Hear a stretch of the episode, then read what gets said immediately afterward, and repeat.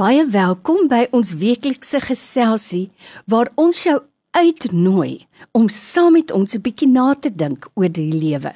Ek nooi Dr. François Swart, hy's 'n verhoudingskenner en hy's ook 'n kliniese en pastorale terapeut om met jou te gesels oor vrae wat dalk vir jou pla, oor lewenskwessies en uiteindelik wil ons regtig hoop dat jy by 'n punt kom waar jy sê, "Maar ek kies lewe."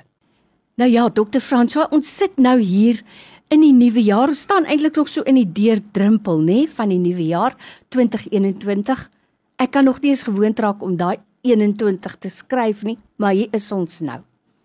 Nou baie mense het die gewoonte en die manier, ek is een van hulle, om nuwejaarsvoornemens te maak. En ek sê vir myself, hierdie jaar gaan ek nou getrou 'n Bybelplan volg om elke dag 'n stukkie te lees van die Ou Testament, Nuwe Testament, Psalms en Spreuke. So gaan ek die Bybel oor 'n jaar deurlees. Daar's baie planne beskikbaar op die internet. Maar gewoonlik hier teen Junie, Julie maand dan raak ek so besig dat ek dit nou weer nie doen nie. Of mense sê ek gaan meer tyd met my gesin spandeer. Ek gaan gewig verloor. En dan sneuwel hierdie voornemens so een na die ander en mense is teleurgesteld. Hoe kan ons prakties nuwejaarsvoornemens maak waarby ons kan bly of moet ons dit toegenaamd doen ja of nee Ja nuwejaarsvoorneme is 'n ding wat al so oud is soos die berge en soos wat elke jaar kom en gaan gaan ons elke keer deur hierdie siklus Dit gaan eintlik oor gemoedsbeplanning en lewensbeplanning. Ons almal ken finansiële beplanning. Ons weet dat ons versekerings moet reg wees. Maar hoe bestuur jy jou lewe? En uh ons werk met 'n tegniek baie keer in die terapie van visualisering. Waar wil jy wees oor 'n sekere tydperk? En die groot ding wat ek maar ervaar het baie keer in die spreekkamer Lorraine, is dat mense is onrealisties. Hulle maak geweldige groot uitsprake oor waar hulle wil wees, terwyl die geheim is om klein treetjies te gee. Mm. En veral as jy 'n goeie vriend of 'n vriendin kan kry met wie jy jou man of jou vrou wat jy saam kan sit en sê help vir my. Ek en jy gaan eenmal 'n week eenmal 'n maand gaan ons bymekaar kom en dan gaan ons praat oor watter goed het ek hierdie maand bereik wat het ek mee gesukkel en wat kan ek doen om dit weer op te weef te kry. Dis om 'n vriend of iemand te hê wat vir jou kan help om jou doelwitte te bereik. Ons sien dit baie keer met die hardlopers wat vir die kamerits oefen of ver wil gaan. Hulle kry 'n hardloopmaat mm. en hulle motiveer mekaar. Dis belangrik. Die tweede ding is wat ek sou sê is moenie te veel goed wil aanpak. Mm. Net so 2 of 3 goed en net vir hierdie maand. En dan as ek dit bereik het, dan vat ek die volgende ding moenie met 'n hele lys kom nie en maak dit ook lekker.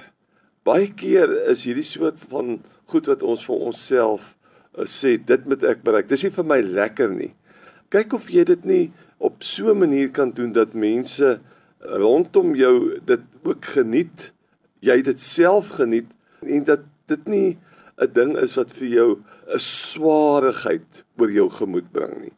Want dit is moeilik as jy 'n dieetprogram volg. Mm. En jy Maar alles jy dit alleen doen. En jy moet dit alleen doen mm. en jy voel so honger mm. en dit is nie meer vir jou lekker nie. Dit is belangrik dan dat jy dit al as dit regtig vir jou moeilik is om te bereik om dan weer ook iemand te gaan sien. Dat vir jou net kan sê Maar hoe kan ek dit maak dat dit dat ek dit meer volhoubaar kan wees en dat ek dit net makliker vir my kan maak dat ek regtig voel maar ek was suksesvol. Want dis die klein suksessies wat jou dan motiveer om aan te hou en voordat jy weet bereik jy jou doelwitte.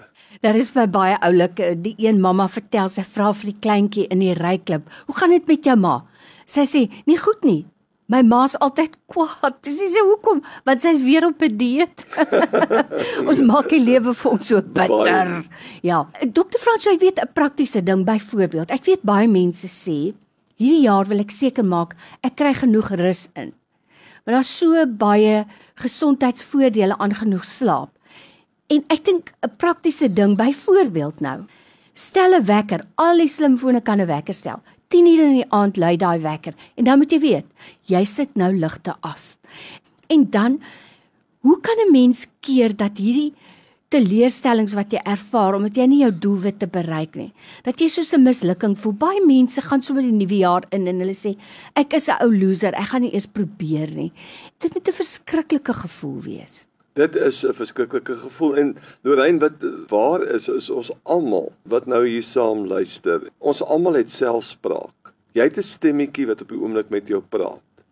Ek en jy, ons is besig om met die luisteraars te praat, maar daar waar hy sit waar sy sit, is daar 'n stemmetjie wat praat. En die mense wat weet sê vir ons hierdie stemmetjie wat jy mee gesels elke dag 80% van jou tyd word opgeneem met jou selfspraak. En daai selfspraak kan positief wees of negatief.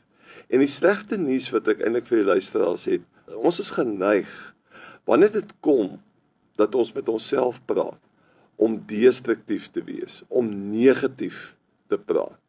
Die belangrike ding om suksesvol te wees in jou doelwitte is om positief met jouself te praat. En ons het net nou gepraat oor realistiese doelwitte en dat jy iemand het met wie jy kan praat wat dit dalk vir jou kan help om dit meer prakties uitvoerbaar te maak. Maar jy moet leer om klein doelwitjies wat jy bereik het te vier en bly te wees ja. daaroor en jou gemoed ook positief te stem. En daar's altyd 'n goeie vriend of vriendin wat saam met jou sal gaan en sê, "Kom ons gaan vier dit." Al is dit sommer net met rooibos tee. Uh, maar nou nou nie weer 'n groot stuk kaaskoek by dit eet nie.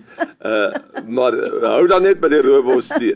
Maar wees net bly vir mm. mekaar. Mm. Ek het hierdie doelwit bereik. Daai klein oorwinningkies by my in die ateljee vandag ek vir dokter Fransja Swart.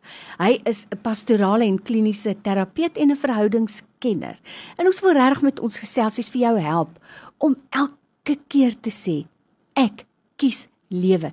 Ten slotte dokter Fransja vir hierdie nuwe jaar wat voorlê. Wat is 'n positiewe gedagte waaraan ek kan vashou en as ek sien ek wil nou negatief met myself praat, dat ek myself net stop en sê wag, dit wil ek vir myself sê. Interessant, ek lees 'n artikel so 2 weke gelede van gedragskundiges wat probeer vasstel het wat is die een enkele faktor binne verhoudings, binne jou eie bestuur van jou eie lewe wat jy die heeltyd aan gedagte moet hou. Die een faktor wat bepaal of jy geluk in daai situasie gaan ervaar of jy geluk in daai verhouding gaan ervaar. En uh, dit was vir my baie interessante en insiggewende artikel en die woord wat hulle by uitgekom het is die belangrikste kwaliteit wat elke mens moet koester in sy lewe is jy moet soepel wees. Die Engelse woord is flexible. Aanpasbaar. Aanpasbaar is ook 'n pragtige Afrikaanse woord.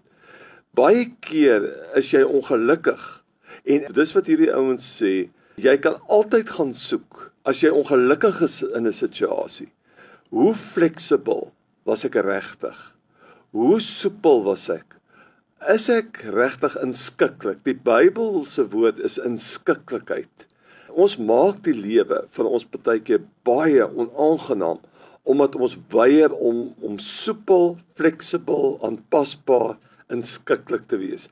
En as ons dit ons vaandel kan maak Sjoe. in 2021. Mm. Ek gaan in elke situasie wat ek beland, in elke verhouding, gaan ek meer inskikkelik wees, ek gaan meer geduldig wees en ek gaan nie net altyd met een voorstel kom nie, maar ek gaan met drie voorstelle kom.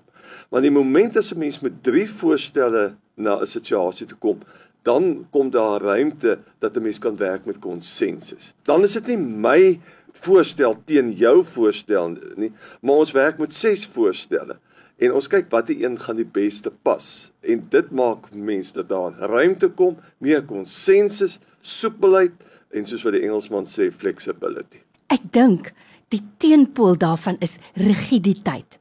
My idee is die regte een. Wat 'n wonderlike idee en wat 'n wonderlike manier om hierdie program vandag af te sluit. Ek gaan na elke situasie, elke verhouding met drie voorstelle. Iewers gaan ons met daai ses voorstelle gaan ons 'n middelgrond bereik. Dis 'n wonderlike voorstel vir die nuwe jaar. Dr. Frans vir jou tyd vandag weer en praktiese wenke. Dankie, dankie, dankie. En vir al die luisteraars van my kant af ook 'n baie voorspoedige en 'n geseënde nuwe jaar vir julle almal.